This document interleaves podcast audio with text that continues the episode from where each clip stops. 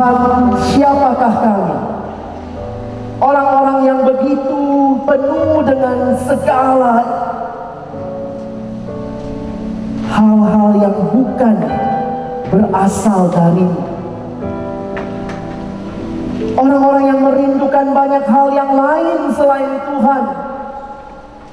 Tapi hari ini kami bersyukur kalau Tuhan berkenan sekali lagi menyapa kami lewat firman.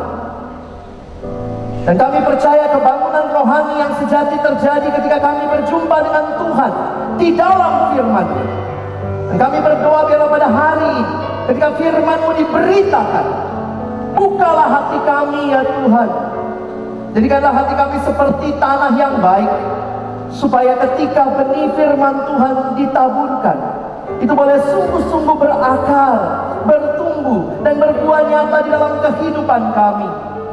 Berkatilah baik hambamu yang menyampaikan firman, setiap kami yang mendengarkan firman, Tuhan tolonglah kami semua, agar kami boleh memberi respon yang tepat sesuai dengan kehendak. Dan kami berdoa biarlah Tuhan tenangkan semua suara di hati kami kecuali suaramu Tuhan. Supaya kami boleh mengerti, memahami, dan meresponi firman Terima kasih untuk kesabaranmu menunggu kami.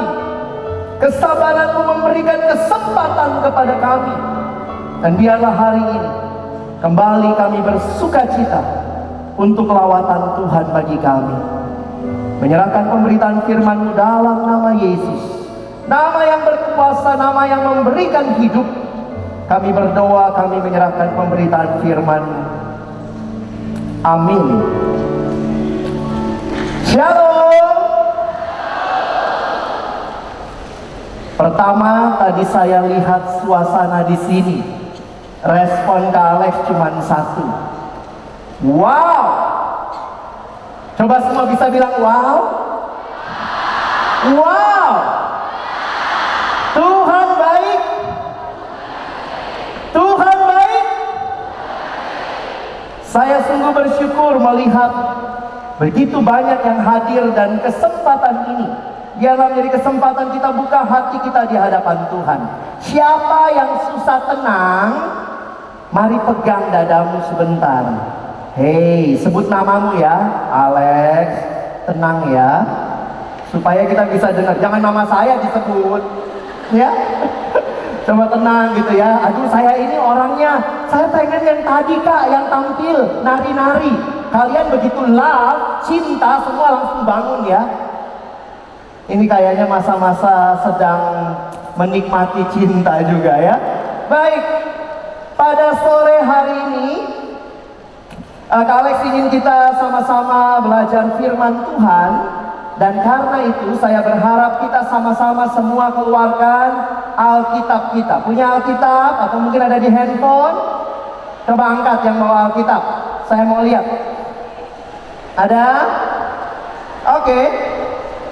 Ya, sama-sama. Ini banyak sekali, kita ada tiga layer ya. Saya mau dengar suaranya dari yang paling atas, yang paling atas ya. Kalian sebutkan wow. Satu, dua, ya. Udah, udah. Nanti ada pertolongan pertama ke sana. Oke, yang kedua, layer yang kedua. Satu, dua, ya. Yang ketiga, satu, dua, ya. Kita belum ada jargon dari tadi ya. Kalau Kak Alex bilang KKRS 2015, kalian jawabnya begini. Forever Christ in us. Oke, okay? bisa? Jangan sampai temennya kamu pukul di sebelah ya. Oke? Okay? Satu, dua ya. KKRS 2015. Oke. Okay. Saya mau mulai dengan mengajak kita nanti bisa lihat Coba ya Alex siapin uh, PowerPoint presentation buat kita. Nah ini saya berharap sih adik-adik juga boleh saling share satu sama lain.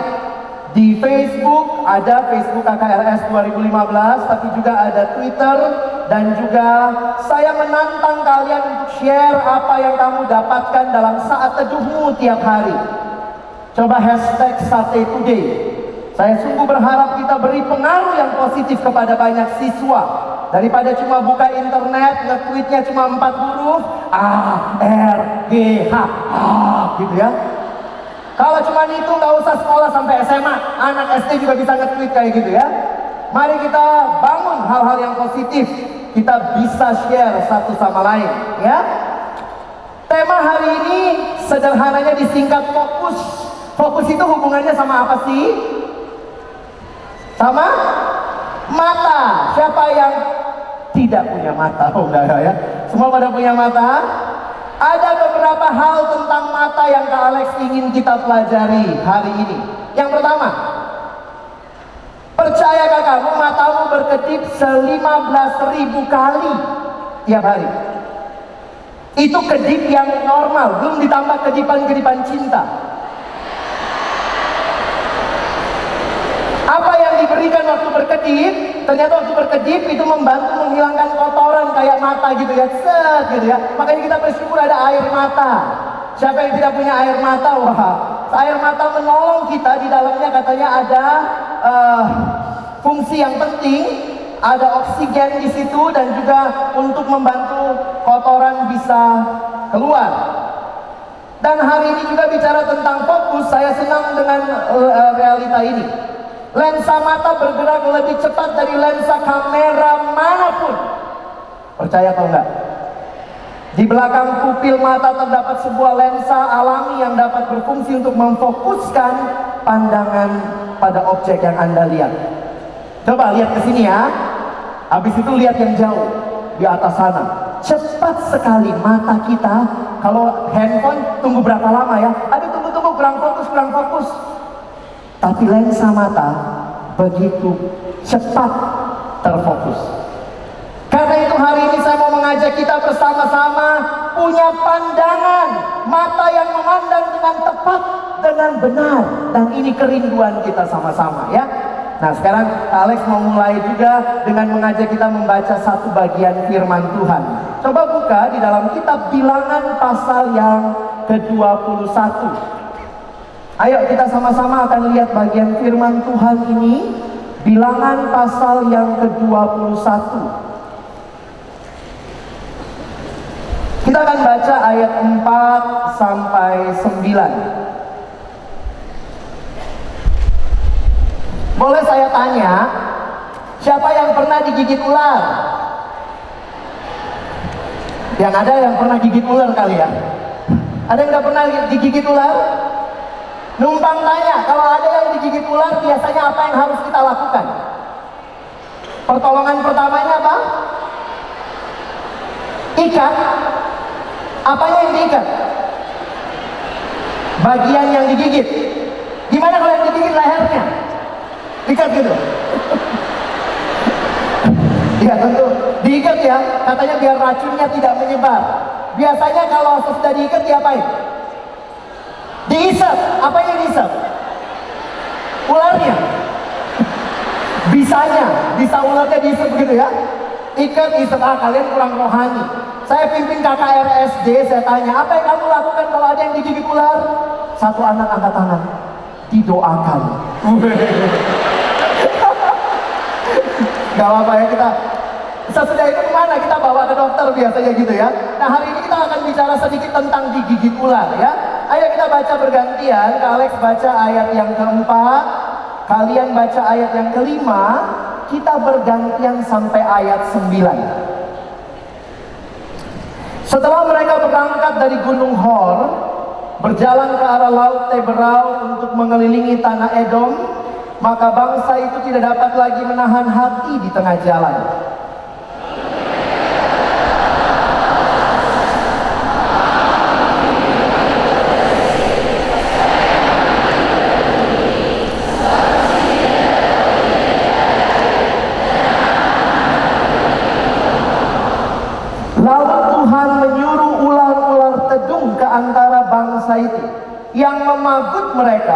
sehingga banyak dari orang Israel yang mati.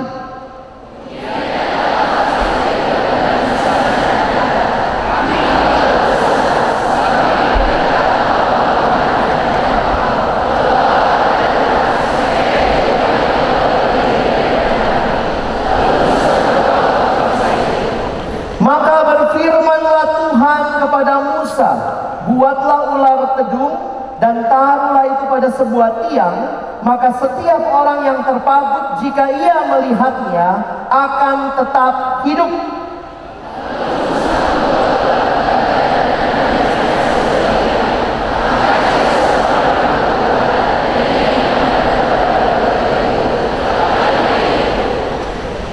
Mari kita belajar bersama-sama melihat kepada apa yang ada di depan ya.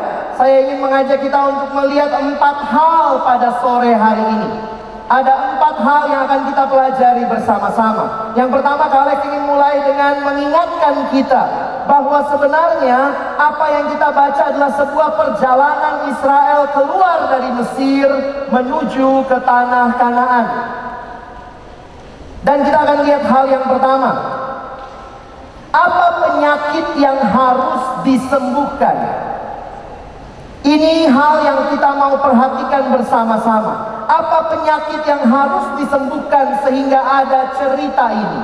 Perhatikan teman-temanku yang dikasihi Tuhan, Israel adalah umat milik Allah, umat kepunyaan Allah. Dan nanti kalau kalian pelajari secara peta, geografi, kalian bisa perhatikan bagaimana mereka berangkat dari Gunung Hor, berjalan ke arah Laut Teberau untuk mengelilingi tanah Edom. Maka perhatikan apa yang terjadi. Bangsa itu tidak dapat lagi menahan hati di tengah jalan. Kalimat yang dipakai dikatakan mereka berkata-kata melawan Allah dan melawan Musa.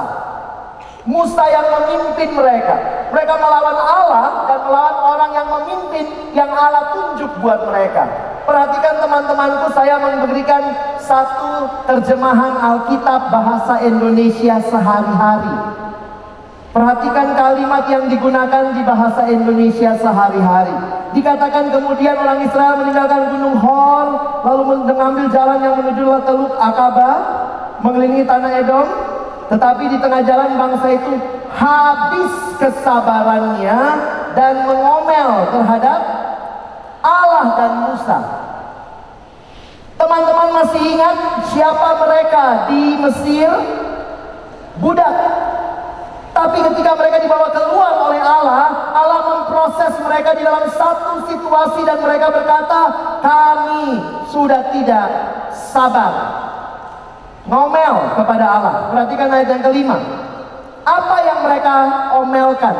Perhatikan, saya berikan warna merah di situ. Mereka berkata, kami muak dengan makanan yang hambar ini. Bayangkan umat Israel keluar dari Mesir ke Kanaan tidak bisa bercocok tanam. Lalu makannya dari mana? Allah yang menyediakan bagi mereka mana turun setiap hari. Ih saudaraku, teman-temanku, adik-adikku, setiap hari Tuhan berikan mana turun teratur setiap hari selama mereka berjalan di padang gurun. Baru sekian lama mereka sudah bilang kami muak sama apa yang Tuhan kasih. Saya coba selidiki sedikit tentang mana. Mana itu disebut juga roti dari surga. Dan bangsa Israel makan mana di padang gurun. Dan ini karunia yang Allah berikan setiap hari. Dan saya coba tuliskan. Pada waktu pagi mereka temukan mana di padang gurun. Rupanya putih seperti ketumbar dan seterusnya. Dan dari keterangan di kitab bilangan dikatakan rasanya manis seperti kue madu. Dan apa mereka katakan? Oh kami udah bosan akan makanan yang hambar ini. Siapa yang mereka tolak? Mananya? Bukan cuma mana, tapi perhatikan. Israel menolak Allah. Mereka komplain kepada Allah. Mana adalah bukti kesetiaan Allah kepada umatnya? Tuhan kasih mana setiap hari. Saya coba bikin gambar begini. God provides for his people. Tapi ini yang terjadi.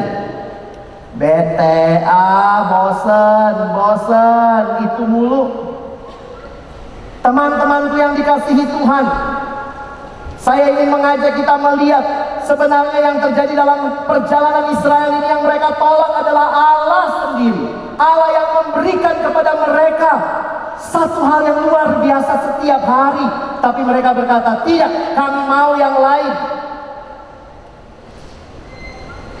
Pertanyaannya begini, kalau hal yang paling memuaskan tidak memuaskanmu, adakah hal lain yang bisa memuaskan kamu? Coba dengar kalimat saya.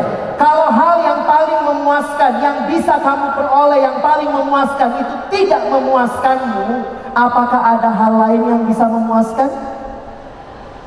Harusnya nggak ada. Coba kita lihat sama-sama kembali agak jauh ke kitab kejadian. Kalex akan tolong kalian mengerti konsep ini. Pertama, Allah menciptakan manusia. Manusia adalah ciptaan Allah. Kalau saya pegang benda ini, numpang tanya, ini namanya pointer. Kalau saya pegang benda ini, anggaplah saya yang menciptakan benda ini.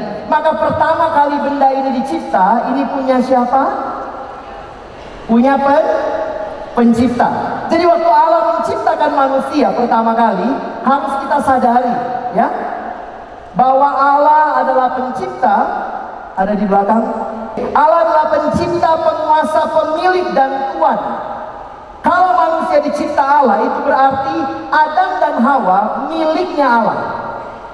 Nah ini menarik sekali memperhatikan manusia ciptaan Allah miliknya Allah. Kalau kamu ciptakan sesuatu, kamu mau benda itu melayani siapa? Penciptanya. Betul? Kalau saya menciptakan sesuatu, maka benda itu pertama kali dicipta. Siapa yang jadi penciptanya? Siapa jadi tuannya? Penciptanya. Karena itu perhatikan konsep ini. Baca sama-sama. Satu dua ya. Manusia adalah manusia diciptakan sebagai makhluk yang menyembah. Ini satu realita yang luar biasa. Allah kita sebagai manusia akan terus menyembah. Jadi di dalam hidup ini kita akan menyembah. Kenapa? Karena memang kita dicipta sebagai makhluk yang menyembah. Perhatikan kalimat dari Bapak Gereja Santo Agustinus. Dia berkata begini, Tuhan, Engkau menanamkan dalam hati kami kesenangan untuk memujimu. Engkau menciptakan kami bagimu dan hati kami gelisah sebelum beristirahat padamu. Coba cerna baik-baik kalimat ini. Saya dicipta untuk Tuhan. Saya dicipta untuk menyembah Tuhan. Jadi kalau saya belum bertemu dengan Tuhan, hati saya isinya masih yang tadi-tadi itu, maka kita tidak akan pernah puas. Karena rancangan awalnya dicipta untuk menyembah Allah. Coba perhatikan kalimat kedua. Manusia hanya menemukan kepuasan sejati di dalam penciptanya. Ada yang Inggrisnya bagus, coba baca kalimat ini. None but God can satisfy the longing of an immortal soul that as the heart was made for him, so only he can fill it. Hati itu, manusia itu diciptakan oleh Allah. Jadi yang bisa memuaskan manusia cuma Allah. Ini kalimat dari orang yang kalian pasti ketemu juga di dalam buku di sekolahmu. Ilmuwan yang luar biasa karena dia sangat cinta Tuhan. Dia berkata apa? Mari baca sama-sama. Satu, dua, ya. Hati manusia biar kecil, namun jika seisi dunia diisi ke dalamnya, tetap tidak akan memuaskannya. Hanya Sang Pencipta yang bisa memuaskannya. Coba sekarang bilang sama teman di sampingmu, hatimu cuma bisa dipuaskan oleh Tuhan. Ayo bilang semua ya. Hatimu cuma bisa dipuaskan oleh Tuhan. Oke. Coba lihat kalimat berikut. Kepuasan sejati tidak akan pernah kita dapatkan dari ciptaan. Coba ya, perhatikan. Salahnya punya keluarga? Bagus kok punya keluarga. Apa sih salahnya punya pacar? Tadi kan kalian lihat ya, ada cinta, ada keluarga. Tapi kalau di hati kita cuma ada itu, itu tidak akan pernah bisa memuaskan kamu. Dengar baik-baik kalimat kalian. Itu semua tidak akan pernah bisa memuaskanmu karena hatimu dicipta untuk diisi hanya oleh penciptamu.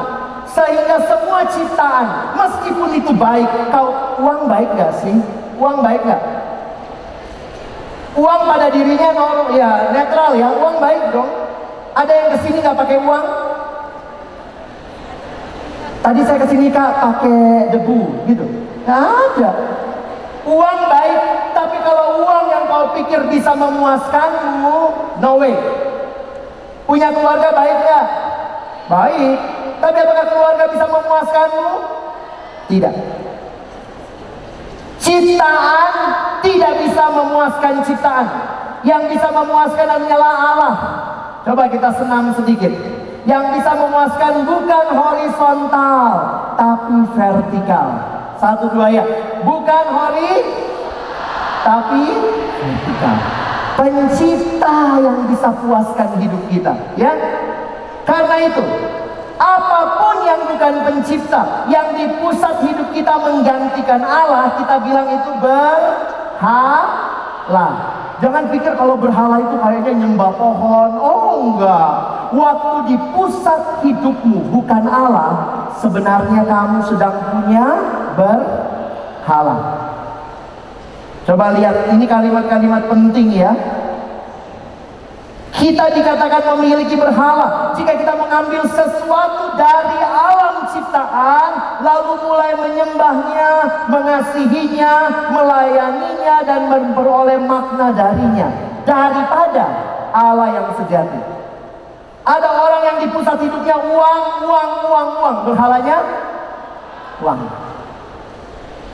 Ada orang yang di pusat hidupnya adalah studi, studi, studi, studi. Salah nggak studi? Nggak salah. Tapi kalau studi segala-galanya, bukan Tuhan. Coba lihat. Berhala berarti mengubah hal yang baik jadi hal yang terutama. Uang baik ya? Baik. Keluarga baik? Baik, tapi kalau itu jadi utama, kamu sudah menjadikannya berhala. Coba lihat hati kita. Nah, ini sekarang cek hatimu. Kenali berhala hatimu. Apakah uang? Atau ada yang berhalanya cuma ketenangan, pornografi,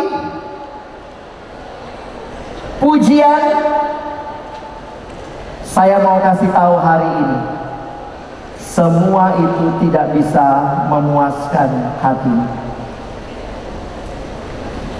Teman-teman, ini penyakitnya Israel. Mereka bilang sama Tuhan yang bisa memuaskan hati mereka, Tuhan yang sudah kasih mana setiap hari. Tuhan, kami bosan. Itulah manusia ya. Allah ditolak, ngeri banget. Karena itu perhatikan apa yang Allah lakukan. Tuhan menyuruh ular-ular antara bangsa itu memagut mereka sebagai banyak dari orang Israel yang mati. Ada hukuman yang Allah berikan kepada mereka. Perhatikan bahasa Inggrisnya. Di dalam bahasa Inggris dipakai istilah itu lebih tepat dengan bahasa aslinya. Dipakai istilah fiery serpent. Apa itu fiery serpent?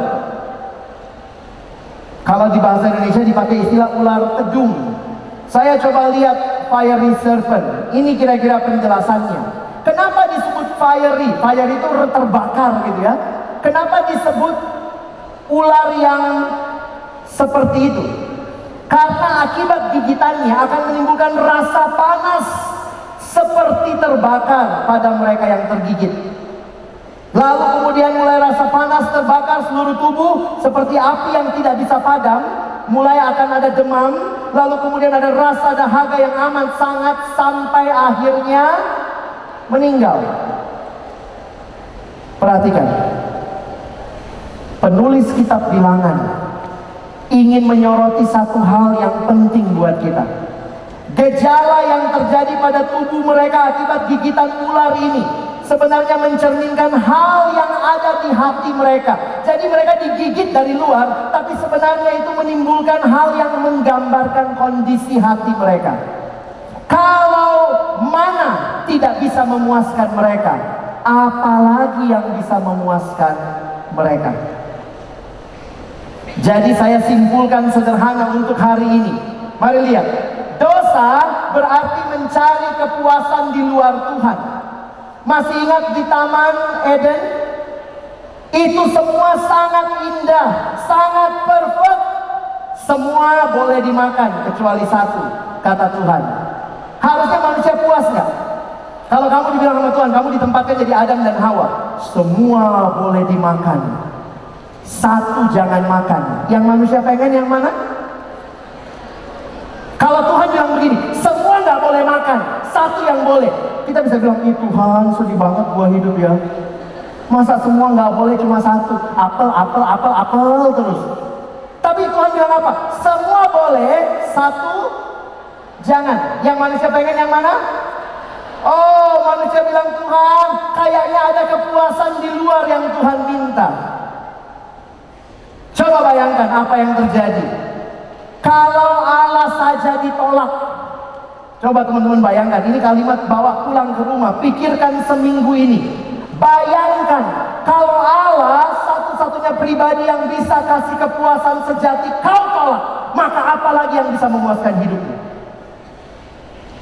Can you imagine? Handphone bisa puaskan hidup? Kenapa rengek-rengek minta handphone baru sama papa mama? Karena kalau saya punya handphone itu, Pak, Ma, kalau saya punya handphone itu, saya tidak apa-apa lagi seumur hidup.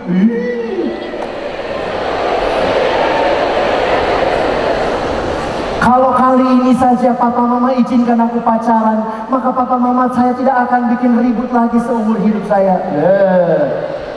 Apalah engkau bilang, pacar bisa memuaskan hidupku.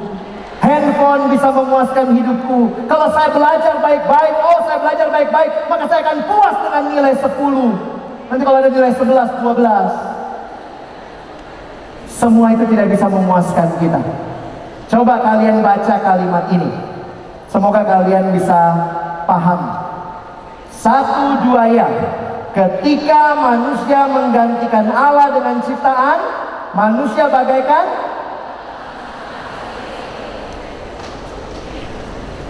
Tuhan memuaskan kita bilang no ada yang lain yang bisa puaskan saya apa itu film porno makin nonton asik puas nonton pornografi lihat pornografi berakhir masturbasi puas puas kalau puas berarti cukup nonton satu film porno kan dosa selalu bikin kita nggak puas ada satu anak pernah datang dan nanya sama dosennya pak bolehkah saya nonton film porno? Kaget dosennya. Kenapa? Ternyata anak ini dibully sama teman-temannya. Karena sampai kuliah tingkat satu dia belum pernah nonton film porno. Terus kemudian teman-temannya bilang, wah lu cemen, lu gak tahu ada film porno. Dia minta izin sama dosennya, Pak, boleh sekali aja Pak, saya cuma pengen lihat. Sesudah itu gak lagi Pak. Percaya Pak, gak mau lagi. Bapak dosen, karena dosennya teman saya, dia bilang, tidak boleh. Minggu depan anak itu datang lagi. Pak, udah nonton. Terus teman saya tanya, berapa kali nonton? Tiga kali. Sekali puas, ini cerita dosa. Dosa selalu tidak puas, tidak puas, tidak puas, tidak puas. Tapi setiap kali dilakukan itu tidak akan pernah memuaskan. Karena itu cuma horizontal. Yang bisa memuaskan? Yang vertikal dari Allah. Ngeri ya? Itulah dosa. Dosa menukar Allah dengan yang lainnya. Di dalam dosa manusia biasa disebut dalam bahasa Yunani hamartia. Hamartia itu seperti orang sedang memanah, ada satu sasaran yang paling tengah, harusnya kena di situ. Tapi ketika melenceng dari sasaran itu, itulah dosa. Manusia dicipta untuk menikmati kepuasan di dalam Allah. Manusia ganti. Saya bisa puas dari yang lain. Kalian lewatin beberapa slide. Inilah dosa. Allah ditolak. Kebenaran Allah ditolak. Kebaikan Allah ditolak. Dan keberbedaan Allah ditolak. Apa fokusnya dosa? Aku. Yang penting aku puas. Sebenarnya siapa yang kita sembah? Diri kita ya. I am everything. Saya tidak butuh Allah. Saya kasih contoh begini. Salah satu kalian paling gak suka nonton sinetron Indonesia ya. Maaf. Kalau kalian main sinetron lain kali pilih judulnya ya yang bagus ya. Sinetron Indonesia tuh kalau sudah mulai apa ya, mulai mau dipanjang-panjangin, mesti dibikin ceritanya pura-pura jatuh, lupa ingatan. Ini paling seneng gitu ya, lupa ingatan. Aku siapa?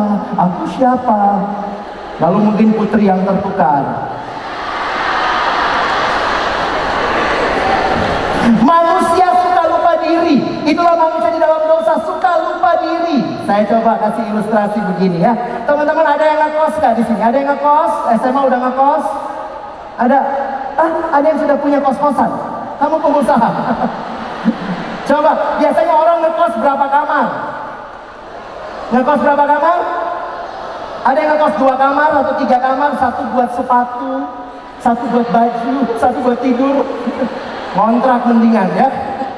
Nah, coba ini coba kalian pikirkan, dibayangkan, jangan dilakukan.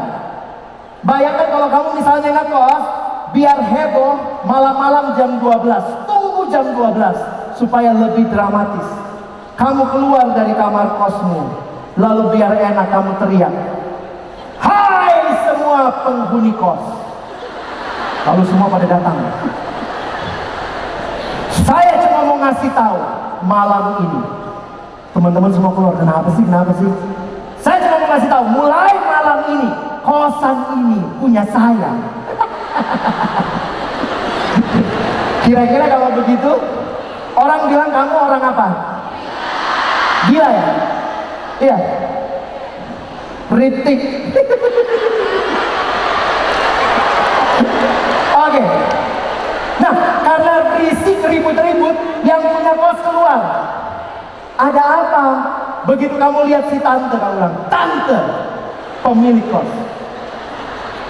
Saya baru bikin announcement tadi persis pukul 00. Saya cuma mau bilang tante, mulai malam ini punya saya. Tantenya mungkin udah siap-siap, mari kita bawa ke rumah sakit jiwa.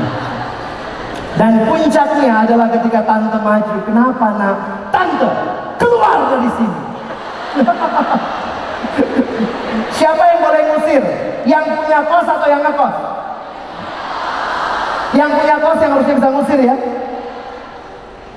Coba Kak Alex bilang, bukankah itu dosa? Ini semua dunia punya siapa? Siapa yang cipta? Tuhan. Terus kita bilang apa? Ini semua punya saya. Tuhan dari surga. Ini gila. Gila. Lupa diri. Nangkap nggak? Sombongnya kita gitu ya. Ini semua punya. Lebih gilanya lagi kita bilang apa? Tuhan, keluar dari hidupku. Waduh. Mbok ya, itu kayak ikan lupa air. Ada ikan yang lahir di zaman reformasi, dia bilang, saya ikan reformasi, saya tidak butuh air. Terus dia keluar. Aduh, apa itu dosa? Ayo baca sama-sama, apa itu dosa? Menolak, melawan, berontak kepada, membuang. Kamu hidup begitu nggak? Kalau Tuhan lihat hidupmu dari surga, gila orang. Tuhan bilang ikuti aku, taati perintahku. Tidak bisa yang pornografi, apa pacaran itu memuaskan dirimu nggak bisa. Kita bilang maaf Tuhan, masih bisa. Saya lagi nyoba nih. Sampai kita bilang Tuhan maaf. Kenapa kalau datang kebaktian kayaknya semua firman tentang saya? Ada satu siswa datang sama saya dia bilang, Kak Alex, saya malas baca Alkitab. Kenapa? Kayaknya tentang saya semua. Bagus dong. Ya. All the Bible is about us. Hidup dalam dosa hanya membawa belenggu. Hidup di dalam dosa membawa ketidakpastian, rasa bersalah, kekosongan, frustasi, keterikatan. Karena itu, upah dosa adalah apa yang Israel lakukan di kitab bilangan. Mereka menolak Allah.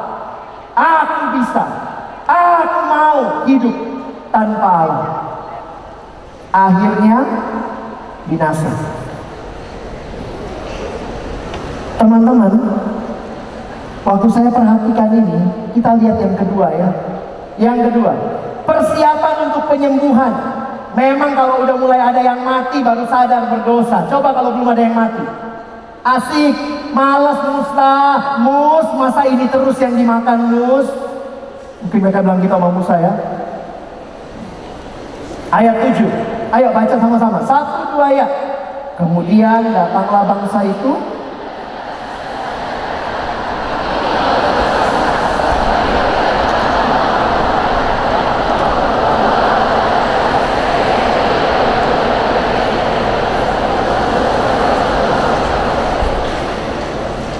kita butuh penyesalan. Pengakuan Tuhan, aku tidak bisa tanpamu. Dan itulah yang Israel lakukan. Mereka datang kepada Musa. Mus, kami sudah berdosa. Doalah Musa supaya Allah menjauhkan semua itu dari kami. Bagaimana kalau kita mengalami dosa? Kita butuh satu poin penting. Ini yang saya katakan. Akui dosa kita. Kadang kita tidak datang kepada Tuhan dengan pengakuan. Mari baca Mazmur ini. Kalimat Daud. Kalex minta yang wanita bacakan karena suara mereka lebih lembut ya. Coba yang wanita baca. Satu, dua, iya.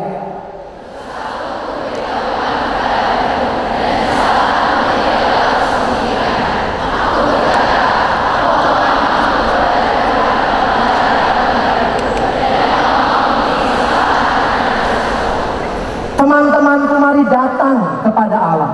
Kalau kau tahu Tuhan saya tidak bisa lagi hidup seperti ini. Maka mari datang dan akui di hadapan Tuhan. Dan ingat janji Tuhan. Dia akan mengampuni. Apa obatnya? Kaget waktu Kak Alex baca cerita ini. Nggak ada tuh yang kita bilang tadi ya. Kalau digigit ular, ikat. Isep. Ada nggak di Alkitab? Apa obatnya? Ah, Tuhan bilang Musa, buatlah ular tedung, lalu ditaruh pada sebuah tiang. Ngerinya gini ya, udah matinya digigit ular, disuruh bikin ular. Ini kayaknya Tuhan kurang empati. Mbok ya kalau bikin ya gambarnya yang bagus dikit gitu ya. Ini matinya karena ular, dibikinin ular. Tapi bukankah itu lambang penyembuhan sampai sekarang di mana-mana? obat-obatan, apotik semuanya ular di atas tiang. Rumah sakit itu lambang penyembuhan. Tapi teman-teman mari lihat sebentar. Kenapa nggak ada cara kita tadi ikat isep? Kalian ingin simpulkan dengan dua hal. Keselamatan dari siapa?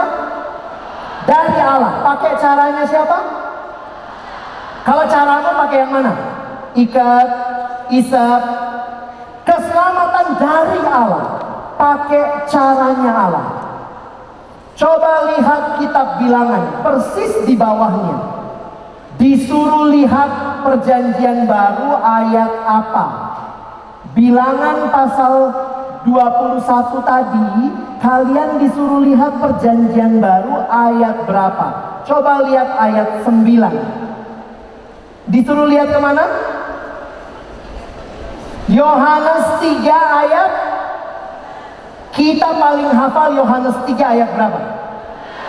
16 kita lupa bahwa di atasnya ada Yohanes 3 ayat 14 dan 15 baca sama-sama ayat ini. Ini penting sekali untuk memahami cerita tadi. Yohanes 3 ayat 14 dan 15 saja. Yuk kita baca sama-sama. Satu Dua, iya. Dan sama seperti Musa meninggikan ular di padang gurun, demikian juga anak manusia harus setiap di perjanjian lama ketika mereka digigit ular itu maka Tuhan menurunkan menyuruh buatlah sebuah tiang taruh ular itu di situ Waktu itu mereka masih berkemah teman-teman ya. Tinggalnya masih berkemah. Di dalam perkemahan itu Di tengah-tengah ditaruhlah tiang itu. Pertanyaan saya ularnya masih ada? Masih. Kales mikirnya gini Kenapa Tuhan gak langsung jawab doa Musa? Ular pergi. Selesai kan? Ularnya masih ada.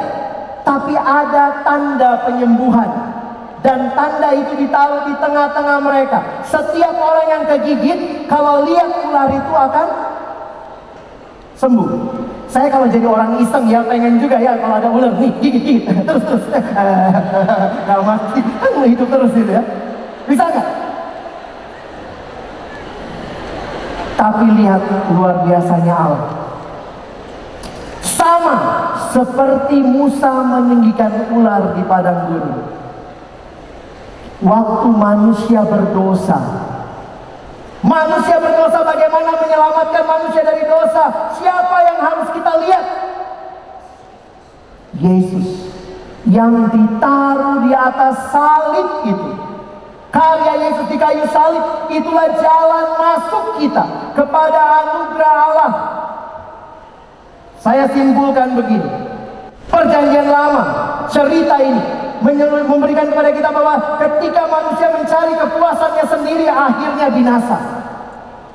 Tuhan kasih ular itu perjanjian baru. Di dalam dosa manusia binasa, tapi ketika manusia memandang ke sana, di situ keselamatan. Bagus juga kalau ada keyboard model begini ya, S-nya dua. Yesus. Kita baca sama-sama. Satu dua ya.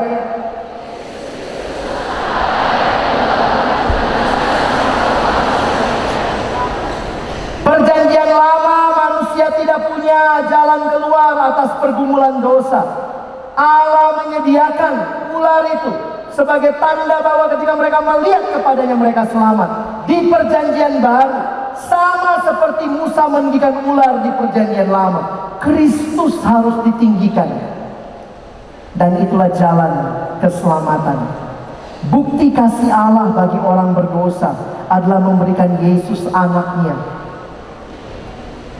Teman-teman, kenapa kau menikmati dosa? Saya lagi bergumul dengan pertanyaan ini. Waktu saya menikmati dosa sebenarnya kayak saya tidak menempatkan Yesus yang paling utama di hidupku. Ada satu lagu himnal yang lama. Kalimatnya sederhana. Pandanglah pada Yesus. Pandanglah wajah mulianya. Apa yang terjadi? Kalimat berikutnya. Isi dunia menjadi suram oleh sinar kemuliaannya. Mungkinkah Yesus tidak menjadi segala-galanya bagi kita. Sehingga kita masih cari kepuasan dari dosa-dosa. Kita cari kepuasan dari hal-hal yang fana. Kita cari kepuasan dari ciptaan. Karena kita tidak lihat Yesuslah yang sanggup memuaskan kita. Hari ini waktu kita kumpul di ruangan yang besar ini sadarkah kita Allah sudah memberikan jalan keluar terhadap dosa di dalam Kristus. Saya senang waktu ketemu gambar ini. Ini gambar menyiratkan masa kecil sampai Yesus dewasa. Sampai dia naik ke surga dan datang kedua kali.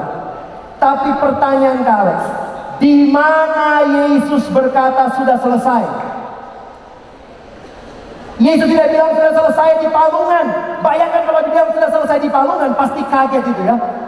Kaget pada maju sama gembala. Eh, udah selesai. gitu ya. Yesus tidak bilang sudah selesai setelah dia kasih makan 5000 orang. Lalu habis kasih makan 5000 orang Yesus bilang, "Sudah selesai." Karena Yesus datang bukan hanya untuk kasih kita makan. Yesus tidak bilang sudah selesai setelah dia jalan di atas air. Dia bilang apa? Sudah selesai. Kalau begitu Yesus cuma datang buat akrobat. Tapi Yesus bilang sudah selesai di atas kayu salib. Di situlah dosamu dan dosaku diselesaikan. Sudah selesai. Anak Allah yang maha tinggi datang ke dalam dunia. Kalimat di dalam Alkitab menyatakan bahwa dia yang tidak mengenal dosa telah dibuatnya menjadi dosa karena kita supaya di dalam dia kita dibenarkan. Yesus bayar harga yang sangat mahal untuk penebusan kita. Berhenti berdosa. Jangan lagi hidup di dalam dosa tapi pandanglah ke salib itu. Di situlah harga penebusan yang mahal Tuhan telah berikan supaya engkau dan saya yang mati binasa di dalam dosa boleh beroleh hidup yang kekal. Itulah Yohanes 3 ayat 16. Salib adalah bukti termulia dari kasih Allah. Dengan matinya di salib, Yesus cuma mau mengatakan, Aku mengasihi Bagaimana menerima keselamatan itu? Saya senang dengan kalimat terakhir ini. Bagaimana memperoleh kesembuhan? Coba lihat yang Kak Alex buat dalam warna merah. Gimana mencari mendapat kesembuhan? Masalah fokus, masalah memandang, masalah melihat. Kalimatnya luar biasa. Jika ia melihatnya, jika ia memandang kepada ular itu, tetaplah dia hidup. Bagaimana supaya hidupmu dan hidupku dibebaskan dari dosa? Jangan terus menikmati dosa. Yohanes 3 ayat 14 15 dilanjutkan persis di bawahnya dengan Yohanes 3 ayat 16. Hafal nggak? Ayo, satu dua ya. Karena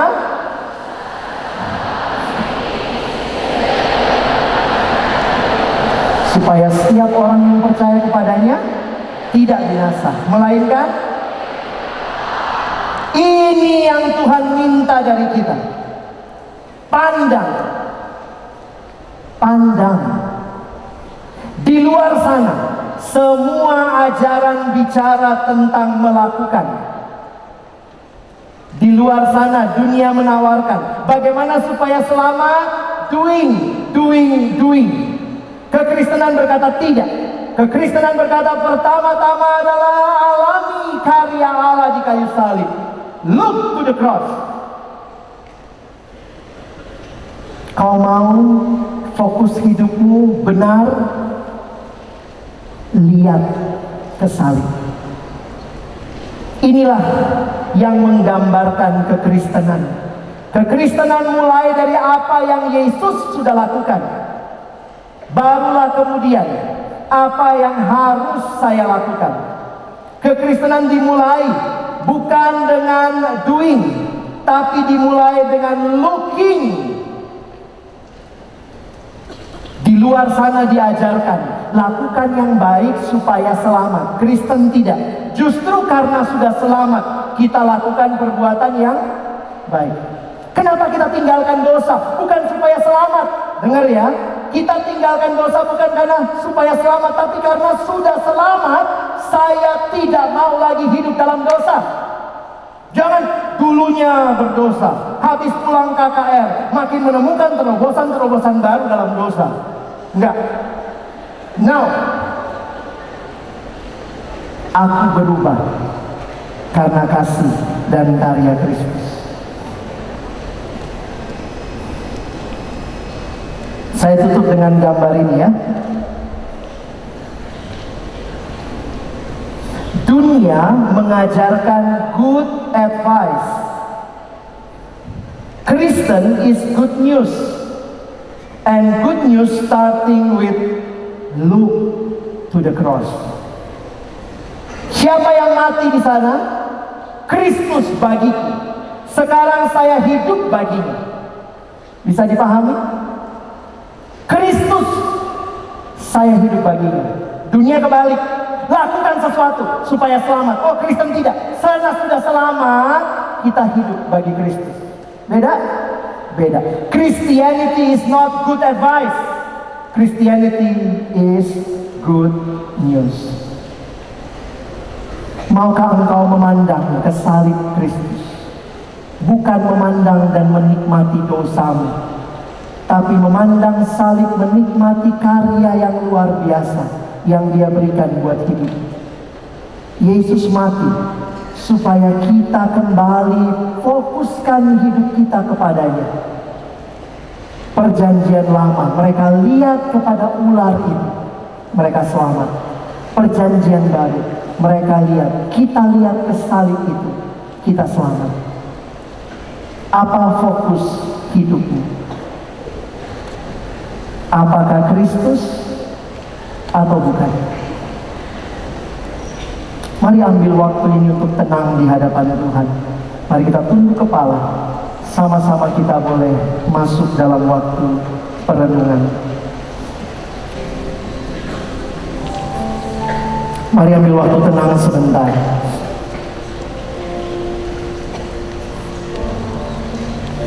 Teman-teman, Yesus sudah mati bagi kita. Dia sudah menyerahkan hidupnya di kayu salib. Yesuslah jalan keselamatan yang Allah berikan bagi dunia. Manusia berpikir bisa cari keselamatan.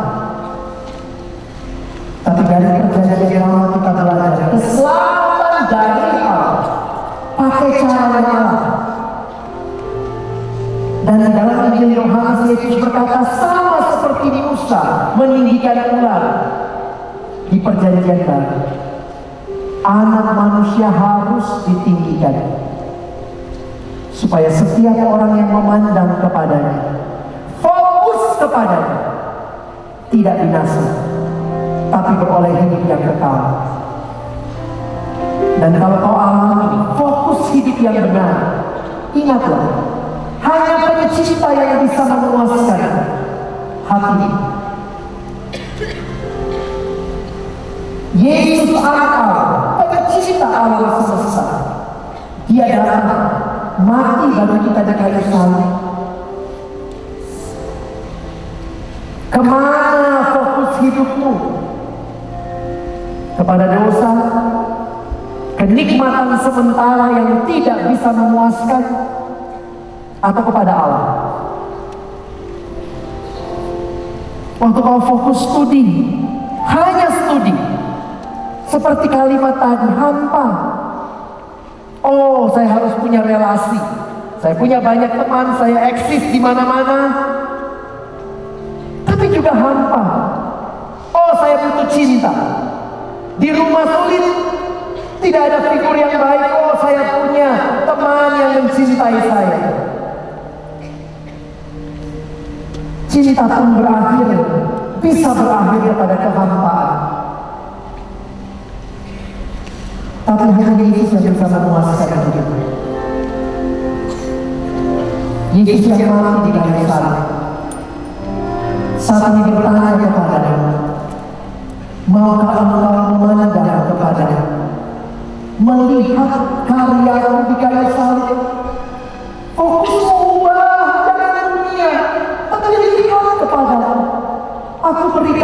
semuanya ini karena aku mengasihimu. Dan kiranya engkau setelah mengalami fokus yang benar, kau pulang dengan hidup yang benar, hidup yang dipuaskan oleh Kristus, hidup yang tidak terus-menerus menikmati dosa.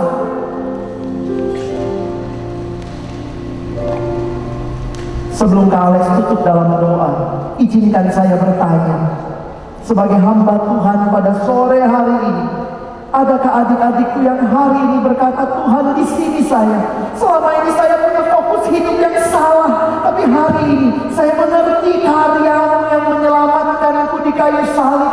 Tuhan, saya mau fokuskan hidupku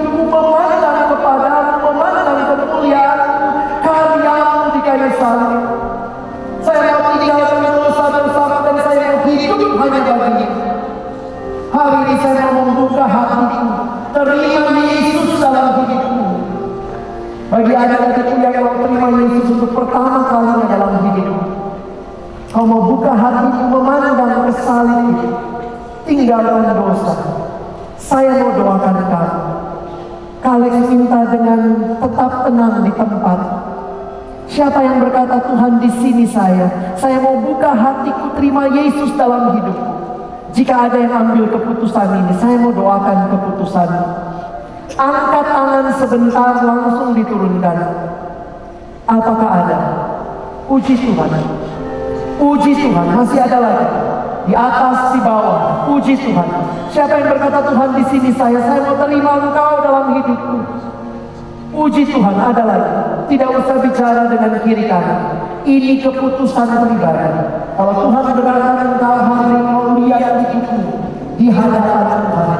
Selama ini ternyata fokus hidupku salah. Itu semua hal-hal yang tidak pernah bisa memuaskan aku. Tapi ada satu pribadi yang mati bagimu di kayu salib. Keselamatan dia berikan. Maukah kau memandang kepada dia? Buka hatimu terima Yesus. Masih ada lagi yang mau ambil keputusan ini. Angkat tangan langsung diturunkan. Apakah ada? Puji Tuhan. Ada lagi. Puji Tuhan. Puji Tuhan. Masih ada lagi. Puji Tuhan. Saya terbatas melihat semua tangan yang diterangkan. Tapi biarlah Tuhan mengenal hati yang berkata tidak kepada dosa dan ya hanya kepada Tuhan. Ada lagi Ini saya, saya mau buka hati terima engkau. Jika ada lagi sebelum saya tutup, angkat tangan, kita mau berdoa bersama-sama. Puji Tuhan, masih ada. Puji Tuhan, puji Tuhan, puji Tuhan. Tangan diturunkan. Tantangan saya yang kedua, bagi kalian yang sudah pernah terima Yesus, Mungkin kamu sudah dilayani, sudah ikut KKR seperti ini, sudah pernah juga ada di dalam kelompok-kelompok kecil. Tapi kau sadar sendiri dengan berjalannya waktu kau jatuh lagi dalam hidupmu yang lama. Dan hari ini Tuhan ingatkan engkau bahwa engkau harus juga habis sekali lagi. Bagi adik-adik yang sudah pernah terima Yesus. Tapi jika hari ini kau diingatkan lagi oleh firman Tuhan, kasihi Tuhan yang sudah mengasihimu. Jika ada yang mau didoakan untuk pembaharuan komitmen, saya juga rindu mendoakan keputusan. Angkat tangan sebentar, saya mau berdoa bagi kamu. Apakah ada? Puji Tuhan, ada lagi. Yang mau diperbaharui, puji Tuhan. Mungkin kau sudah melayani, tapi kau bilang Tuhan saya munafik. Masih ada hal-hal busuk yang saya nikmati, yang ternyata bukan itu yang Tuhan mau. Tapi hari ini Tuhan kembali menentukan aku. Saya mau berubah. Saya mau berubah karena Tuhan ini sudah mengasihi. Apakah ada lagi di sini saya Tuhan angkat tangan saudara, puji Tuhan. Yang mau diperbaharui puji Tuhan ada lagi. Puji Tuhan. Tangan diturunkan.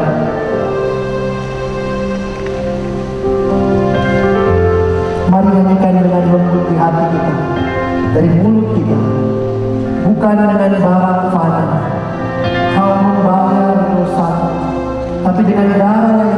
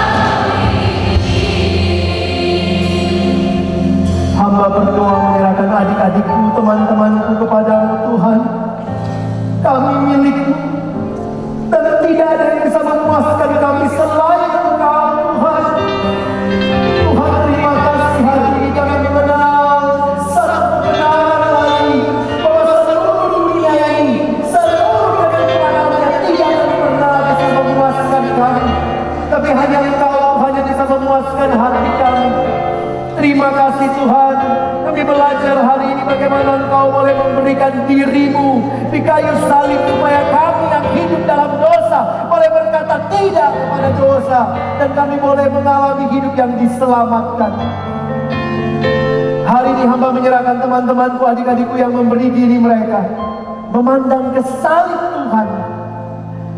Tolong mereka tidak memandang dan menikmati dosa, tapi benar-benar hidup bagi Allah.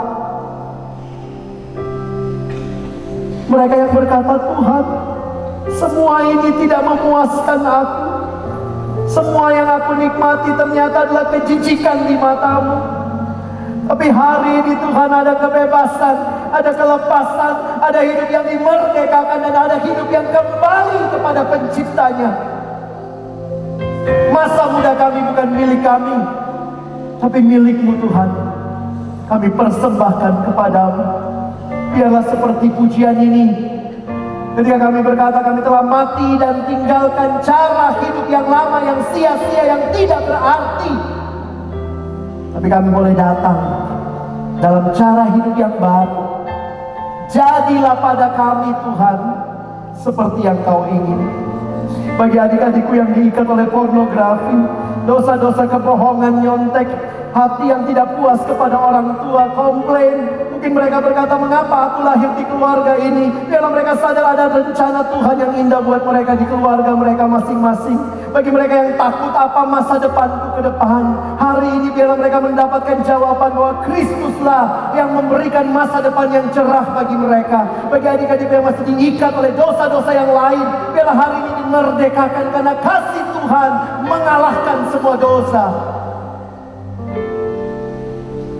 Dan bagi mereka yang hari ini diperbaharui sekali lagi, Tuhan tolong agar bukan hanya hidup yang lama yang terus dinikmati, tapi hidup yang baru yang Tuhan berikan. Engkau ada di dalam hidup kami, forever Christ in us. Itulah yang membawa kami berbeda dengan dunia ini. Karena itu hamba berdoa bagi adik-adikku yang diperbaharui. Kiranya Tuhan pakai mereka bagi kemuliaan. Mungkin mereka sudah menjadi pengurus roh kris. Mereka sudah melayani di gereja tapi mereka sadar mereka masih munafik. Dan hari ini Tuhan nyatakan di mana fokus hidupmu. Dan hari ini mereka diperbaharui. Karena fokus hidupnya dia persembahkan kembali kepada Allah. Tuhan ini hidup kami. Jadilah pada kami. Bukan seperti yang kami mau. Tapi seperti yang kau ingin. Mari taruh tangan kanan kita di dada setiap kita. Dan mari berdoa melalui pujian ini. Dan katakan kepada Tuhan sungguh-sungguh. Ku telah mati dan tinggalkan cara hidupku yang lama. Semuanya sia-sia dan tak berarti lagi. Dengan lembut, mari katakan syair lagu ini. Ku telah benar Tuhan. Cara hidupku yang lama.